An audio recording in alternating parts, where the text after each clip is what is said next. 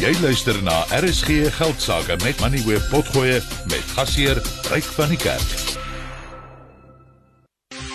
Vir die belangrikste sake nuus skakel in op RSG Geldsaake. Sanlam is die grootste versekeraar in Afrika en doen in meer as 35 lande in Afrika en in Suidoos-Asië sake. Die groep het vandag winssyfers vir 2022 bekend gemaak en die wins of die resultaat van bedrywighede soos hulle dit in die versekeringssektor noem was 8% hoër op 10,2 miljard rand. Die wesensverdienste was 3% hoër op 9,3 miljard rand. Die direksie het 'n dividend van R3.60 per aandeel verklaar wat ook ook 8% hoër was as die vorige jaar. Die groep se inkomste uit die verkope van nuwe versekeringspolisse het egter met 10% tot 65 miljard rand gedaal. Anton Gildenhuys is op die lyn. Hy is die uitvoerende hoof van Sanlam Welvarende Markte. Uh Anton, welkom by die program. Wat het gebeur met julle nuwe besigheids uh uh polisse? Ehm um, wanneer laas het julle 'n daling daar beleef? Nee, um, goeienaand Ryk en dis goed om met julle te gesels. Nee, ons het al 'n daling gehad natuurlik deur die COVID pandemie heel aan die begin, maar wat interessant was was tydens ehm um, 2020 en 2021 veral het mense ongelooflik baie geld natuurlik gespaar. Um, dit was een van die half onverwagse uitkomste gewees binne in um, ons besigheid. Ons veral gesien dat enkelpremies het opgegaan en dit kan wees omdat mense eenvoudig nie hulle geld op ander goed kon spandeer nie. Jy kon lockdown as jy klaar jou televisie gekoop het, jy het veel anders gehad om om met jou geld te doen nie. En ons het baie hoë besparing gesien. En daai besparing is nog steeds heelwat op. As jy kyk, ons hou daarvan om as ons na ons prestasie kyk oor hierdie jaar, jy weet baie van die prestasie is redelik vleiend, jy weet ons lewensversekering is op met 25% die wins en ons beleggingsopbrengste is 18-19% op die wins daar. Maar ehm um, help nie jy kyk net na 20 22 teenoor 2021. Ons hou nogal daarvan om te kyk hoe het Sanlam gelyk voor die pandemie gekom het. Het ons deur hierdie rowwe ongelooflike uit, uitdagende tydperk gekom en sterker uitgekom en ons kan onomwonde sê ons het baie baie goed gedoen. As jy kyk na ons lewensversekeringsbesigheid is 28% op sedert 2019 tot nou. So ons het deur daai ongelooflike groei gegaan in 2021 net so 'n bietjie afgeplat, maar ons is nog steeds um, amper 'n derde hoër as wat ons was voor die pandemie begin het. Maar as 'n mens nou soos jy nou gesê het kyk na pre-COVID vlakke, as mens daardie tendens uh gaan trek, ehm um, is die is die traject op dieselfde uh hoek as wat dit was sê nou maar 2018 tot 2020 van nou van 2020 tot 2023. As jy hom deurtrek dan is hy minder hy's eintlik selfs 'n bietjie versnel. Ehm um, die Sanlam groep het dit reg gekry om ons markandeel en omtrent alle alle industrieë waarin ons bedrywig is te verbeter.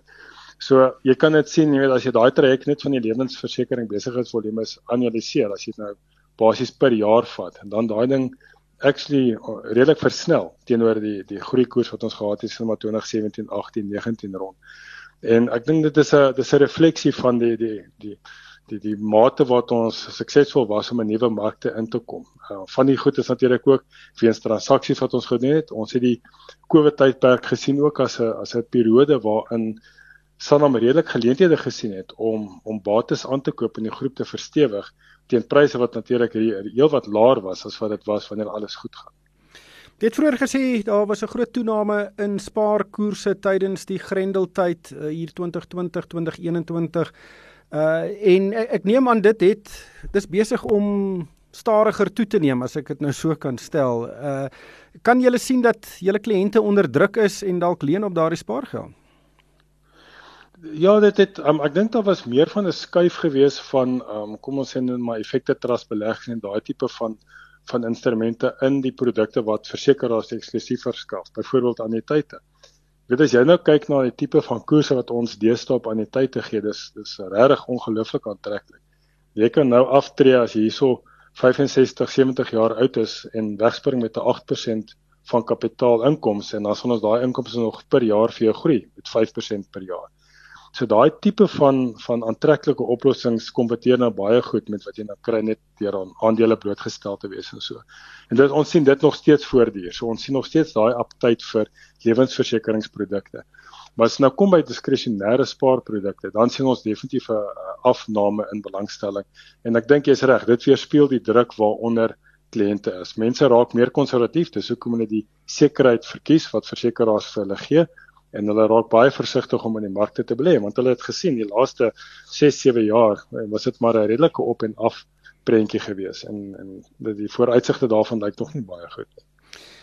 Sanlam was die afgelope paar jaar nogal baie doenig met die uitbreiding van sy bedrywighede, hele paar oornames gedoen, hele paar transaksies Uh jy het 'n groot uh batebestuurder gevestig. Jy het uh, Alexander Forbes 'n paar besigheid besighede by hulle gekoop.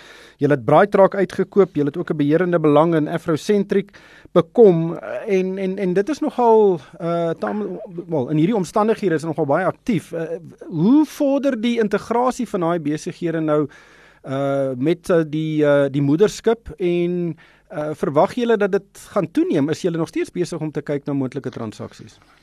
Nee, dit is 'n dis 'n baie goeie vraag gereik. Jy's heeltemal reg. Ons het tydens hierdie hierdie Grendel tydperk het ons regtig baie geleenthede gesien. En dan jy kan amper die die um impak of die fokus van Sanlam um, oorweeg oor oor die verskillende gebiede waarin ons um bedrywig is. En wat vir my nogal regtig belangrik is om om te benadruk is dat ons het in Suid-Afrika self nog steeds baie belê. Soos jy sê, Alexander Forbes het ons um, hulle um, hulle gekoppelde beleggingsplatform uitgekoop, Absa Capital Legacy, Brightrock. Al hierdie transaksies saam met meer as 1.5 miljard rand gekos. En dan het ons natuurlik in Afrika hierdie ongelooflike groot transaksie met um, Allianz wat die grootste versekeraar is in die wêreld ge, gedoen wat die grootste versekeraar in die in die kontinent gevestig het. En dan het ons 'n paar ander transaksies vir ons kapitaal weer losgemaak het deur byvoorbeeld uit die Verenigde Koninkryk uit, uit te verkoop. Maar hierdie is nou ongelooflik baie werk wat ons op oomblik moet implementeer. So ons is besig om nou bietjie terug te staan van nuwe transaksies. Ons het ook nou vir die mark aangedui dat tot die mate wat ons nou surplus kapitaal genereer, gaan ons geneigtheid eerder wees om van daai kapitaal nou te begin teruggee aan aandeelhouers want um, on, ons inbandjie is redelik vol as ek dit so kan stel. Anton, dankie vir jou tyd vanaand. Dit was Anton Gildenhuys van Sanlam. Jy het geluister na RSG Geldsaake met Money where potgoe elke weeksdag om 7 na middag. Vir meer Money where potgoe, besoek moneyweb.co.za of laai die toepassing af en volg Moneyweb News om dagliks op hoogte te bly.